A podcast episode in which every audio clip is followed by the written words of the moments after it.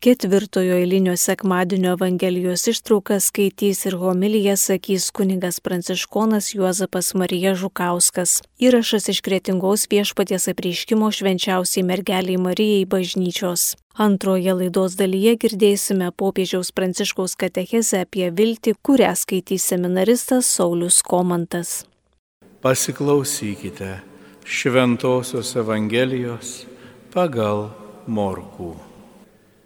Kafarnaume šeštadienį nuėjęs į sinagogą Jėzus pradėjo mokyti. Žmonės stebėjosi jo mokymu, nes jis mokė kaip turintis galę, o ne kaip rašto aiškintojai. Jų sinagogoje tada buvo netyrosios dvasios apsėstas žmogus. Jis ėmė šaukti ko tau iš mūsų reikia, Jėzau Nazarietė? Gal atėjai mūsų sunaikinti? Aš žinau, kas tu esi, Dievo šventasis. Jėzus sudraudė jį, nutilk ir išeik iš jo. Tuomet netyroji dvasia pradėjo jį tasyti ir baisiai šaukdama išėjo iš jo. Visi didžiai nustebo ir klausinėjo viens kitą, kasgi čia, naujas mokslas su gale, jis netgi netyrosioms dvasioms įsakinėja ir tos jo klauso. Gandas apie jį greitai pasklido po visą Galilėjo šalį. Girdėjote viešpaties žodį. Evangelijos žodžiai te naikina mūsų klaidas. Viešpati Dieve, paliesk mūsų širdis ir protus, leisk pažinti tavo į mokslą, leisk, kad tavasis žodis paliestų mūsų širdis ir jas perkeistų, kad patikėtume ir sugebėtume gyventi tavoju žodžiu. Iš ties, skaitant šventą įraštą, dažnai gali kilti įvairūs klausimai ir mes galime nebežinoti, kaip čia gyventi ir ką daryti. Matome ir apaštalas Paulius bendruomenėms rašo įvairiausius laiškus, bandydamas patarti, sakydamas ir vieną gerą, ir kitą visai neblogai. Ir kartais iš tikrųjų kyla didžiulė sumaištis ir šiandien netyrosios dvasios apsėsto žmogaus lūpomis mes iš ties išgirstame galbūt tą klausimą, kurį ne vienas esame uždavę Dievui. Viešpatie, ko tu iš mūsų nori? Nu ko tu iš mūsų nori? Ir tas klausimas, jis gali būti užduotas įvairiausiomis aplinkybėmis ir nusiteikus labai skirtingai. Tas klausimas kyla jaunuolio širdyje, kada jis suklupęs prie Dievo altoriaus sprendžia savo pašaukimo klausimus ir galvodamas, kągi čia nuspręsti, kaip jam čia gyventi, kam pašvesti savo gyvenimą, jis klausia viešpatie, ko tu nori. Tas klausimas lygiai taip pat gali iškilti žmogui, kuriam ką bedarytų vis nesiseka. Atrodo, viena nelaimė seka kitą ir ką bedarytų, atrodo, viskas tarsi prieš jį, visas pasaulis kovoja prieš jį ir jis net kumščius iškėlęs į dangų ir gali šaukti Dievę, tai ko tu nori? Nu ko tu iš manęs nori? Lygiai taip pat tą klausimą gali užduoti žmogus, kuris galbūt visą gyvenimą ruošiasi daryti gerus darbus, įsigijo gerą specialybę, ruošiasi galbūt net patarnauti žmonėms, eiti kažką kurti ir staiga yra ištinkamas lygos, galbūt suparaližuojamas, galbūt paguldomas į lygos patalą ir jis sako, nu tai Dieve, nu tai ko tu iš manęs nori? Ir tą klausimą tikrai užduodame tiek pakilimo akimirkomis, kada esame pilni entuzijazmo patikėti savo gyvenimą į Dievo rankas, lygiai taip pat ir nusivylimą ar bejėgiškumo akimirkoje irgi sakome Dieve. Tai ko tu iš manęs nori? Ir atsakyti nėra paprasta, nes mūsų protas ir jausmai dažnai yra sumišę ir mes dažnai esame pametę iš akių galutinį tikslą ir esame blaškomi įvairiausių troškimų, aistrų, norų, galų gale ir galimybių.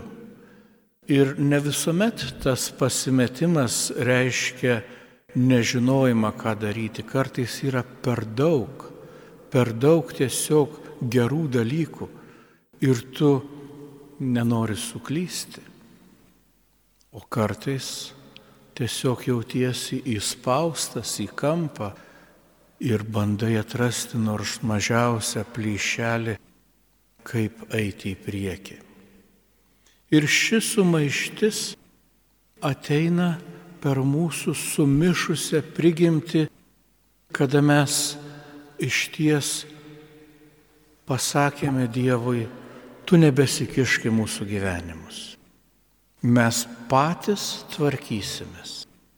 Ir žinot, kada tas įvyko, skaitome apie tai pradžios knygoje, kuomet Dievas sukuria rojaus sodą ir patiki visą žmogaus rankas. Ir sako, tu visą valdysi, viskam viešpatausi, būsi virš visko augalai ir gyvūnai tau paklus, tu būsi viso viešpats. Ir bus labai aišku ir paprasta viskas tavo gyvenime. Ir čia ateina žaltys, ateina ta gyvatė, kuri pasėja abejonę žmogaus širdyje, sakydamas, ar tikrai čia Dievas tau viską taip leido, ar tikrai nėra uždraudęs tau iš tiesų džiaugtis gyvenimo pilnatvę? Ar tikrai Dievas tau uždraudė valgyti nuo visų medžių vaisius? Ir tuomet žmogus sako, nu ne, neuždraudė. Tik sakė, štai čia sodo centre yra vienas toks medis, beje, pažinimo medis Jeigu nuo jo valgysi, sakė, numirsi. Ir tuomet šetonas žalčio balsu sako, ne, ne, Dievas meluoja. Jokių būdų tu nemirsi, bet pasidarysi išmintingas ir galėsi nuspręsti pats, kas yra gera ir bloga. Pažinsi visą pasaulio ir būsi kaip Dievas. Ir štai ta pasėta bejonė skatina žmogų eiti nuodėmę. Ir žmogus jau nebesirenka Dievo kaip savo gyvenimo viešpaties, o sako, aš pats nuo šiol spręsiu, kas yra gera ir bloga. Ir nuo to laiko mes iš tikrųjų nieko nebežinome, nieko nebesuprantame rodos gerų dalykų siekiame, o vis tiek pilna liūdėsio, nerimo, baimių gyvenime turime. Rodos pasirenkame viską teisingai, o susipykstame su visais ir patys nerandame laimės. Ir vatvatoj sumaišty nepripažįstam, kad esame patys kalti bet pakėlę balsą į dangų šaukėme, Dieve, tai ko tu iš mūsų nori? Nu ko tau iš mūsų reikia? O kągi mums viešpats šiandien byloja? O kad išgirstumėt šiandien, ką jums viešpats byloja. Tai ką jis byloja? Tegul jūsų širdys nebūna storžėvės. Te jūsų širdis nebūna storžėvės. Jis nesako, geriau įsiklausykit, kad išgirstumėt. Nesako, dabar susikaupkit, kad aš jūs galėčiau išmokyti, išaiškinti viską. Tegul jūsų širdis nebūna storžėvės. Suminkštikit širdis. Išmokit mylėti. Išmokit pajausti Išmokite džiaugtis ir dėkoti. Tegul jūsų širdis nebūna storžėvės vienas kitam. Te nebūna jūsų širdis užkietintos Dievo meiliai. Te nebūna jos užkietintos viešpaties apkabinimui. Pati meilė. Pats gailestingumas. Pats Dievo žodis ateina gyventi tarp jūsų. Ateina, kad pakviestų susiburti į Dievo vaikų šeimą. Ateina, kad padėtų pamatyti viens kitą naujomis akimis ir atpažinti brolių ir sesę vienas kitame. Ateina, kad atneštų ramybę ir susitaikinimą. Ateina, kad pasakytų, nebesiblaškyk, vaikeli, ateik į mano glėbį. Aš atsiųsiu tau savoje dvasę, aš atsiųsiu tau išminties ir pažinimo dvasę, aš tau atsiųsiu Dievo meilės dvasę, pamaldumo dvasę, atsiųsiu tau savą ramybę. Nebeužkietink savo širdies, nebeužkietink jos savo broliu ir sesiai, neužkietink viešpačiai. Viskas yra gerai. Viskas bus gerai. Turėk pasitikėjimą, turėk ramybę. Aš tave sukūriau tam, kad gyventum ir kad tavo džiaugsmui nieko netrūktų. Tau nereikia kovoti, tau nereikia atimti iš kito, tau nereikia apiplėšti kito ir nereikia apgauti kito, kad turėtum. Dievo namuose visiems visko užtenka. Ir šiame gyvenime visiems visko užtenka. Svarbiausia, turėk ramybę, turėk taiką, turėk meilę ir nieko tau netrūks. Tad nebeužkietinkime savo širdžių. Išmokykime nusišypsoti, išmokime džiaugtis vienas kitu, išmokime mylėti.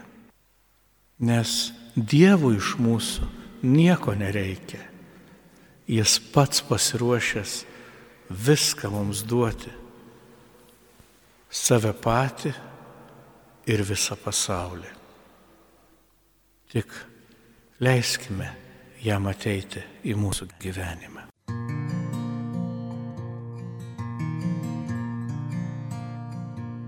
Viešpatie, aš ateinu, tau lenkiuos, tavim tikiu, esu pražuvęs be tavęs, Jėzau mano širdį ves.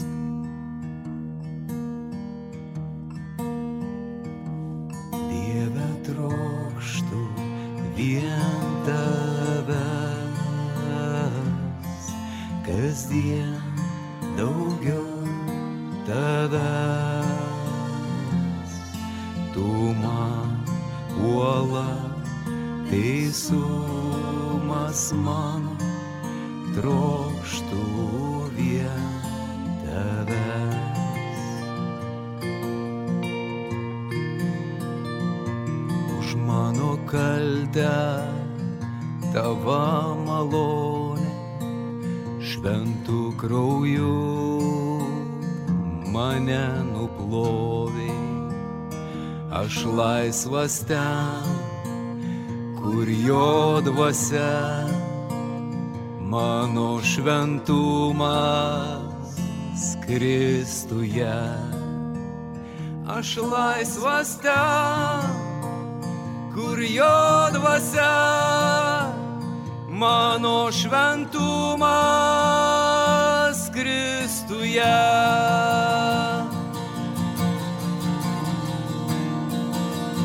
Dieve trokštų vien tavęs,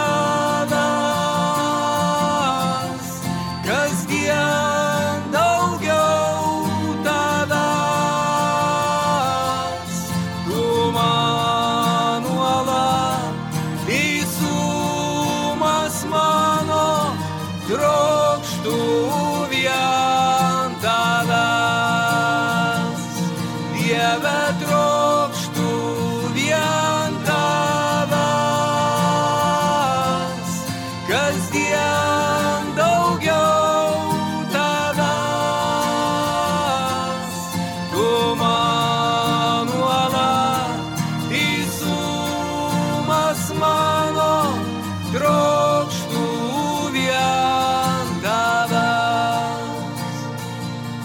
Leiski mano giesmė kilt aukštyn, kai pagunda vėl bandys. Bejėgis krisiu aš tavan glėbin. Jėzau, tu mana viltis. Bejėgis krisiu aš tavan glėbin. Jėzau, tu mana viltis.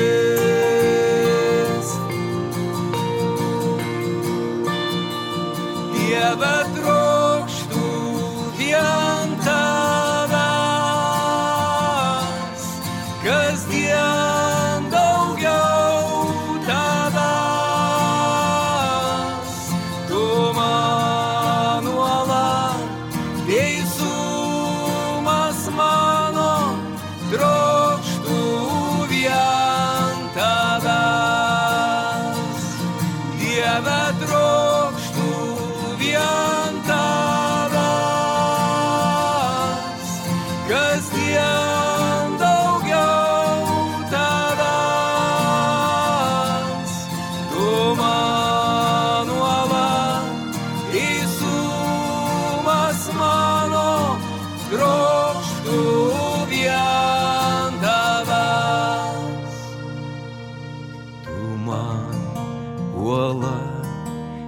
teisumas mano, trokštų vien tavęs.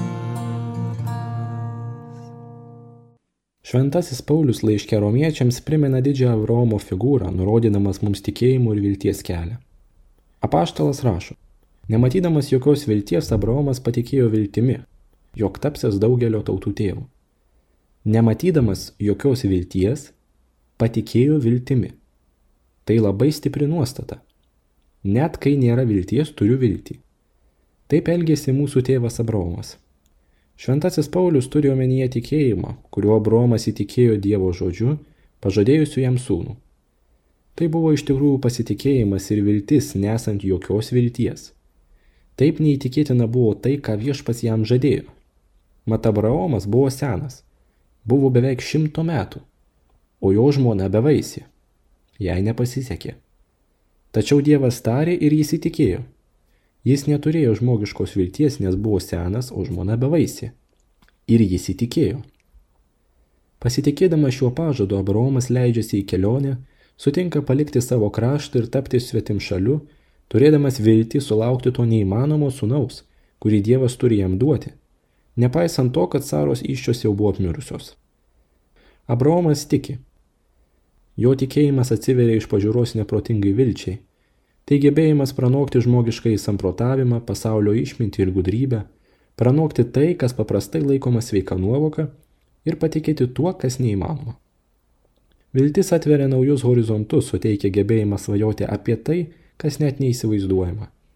Viltis leidžia įžengti į nežinomos ateities sutemas ir keliauti šviesoje. Vilties darybė yra graži. Ji teikia mums daug jėgų gyvenimo kelyje. Tačiau tai yra sunkus kelias. Abraomo gyvenime taip pat ateina krizės ir prislėgtumo momentas. Jis pasitikėjo. Apleido savo namus, savo žemę, savo draugus, viską. Jis leidosi į kelionę, pasiekė Dievo jam nurodytą šalį, praėjo daug laiko. Anksčiau tokia kelionė nebuvo panaši į šiandieninę, kai lėktuvo skrydis trunka porą valandų. Anomet ji trukdavo mėnesius, metų metus. Ėjo laikas, o sunaus vis nebuvo. Saros iščios liko uždarytos vaisingumui.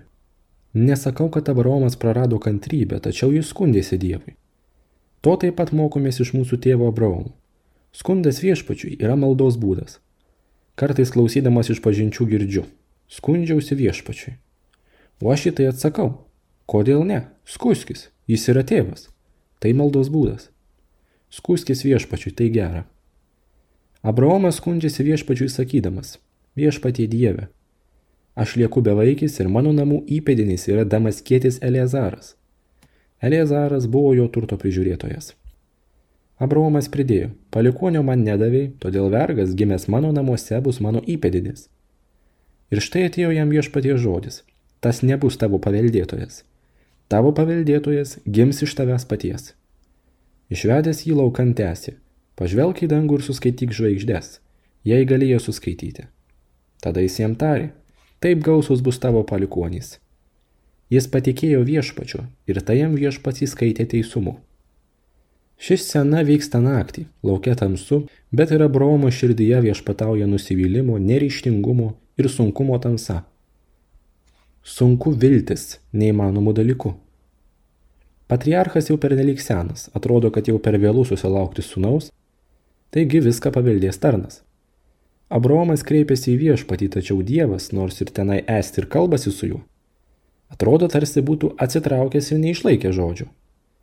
Abraomas jaučiasi vienišas, jis senas ir pavargęs artinasi mirtis. Kaip jis gali toliau pasitikėti? Vis dėlto pats jo skundas yra tikėjimo forma, tai malda. Nepaisant visko, Abraomas ir toliau tiki Dievu ir turi viltį, kad kažkas dar gali įvykti. Antraip, kam reikėtų šauktis Dievo? Jam skūstis ir priminti jo pažadus. Tikėjimas nėra vien tik tyla, viską priimant be atsikirtimų, Viltis nėra tikrumas, kuris saugo nuo bejonių ir bejėgiškumo.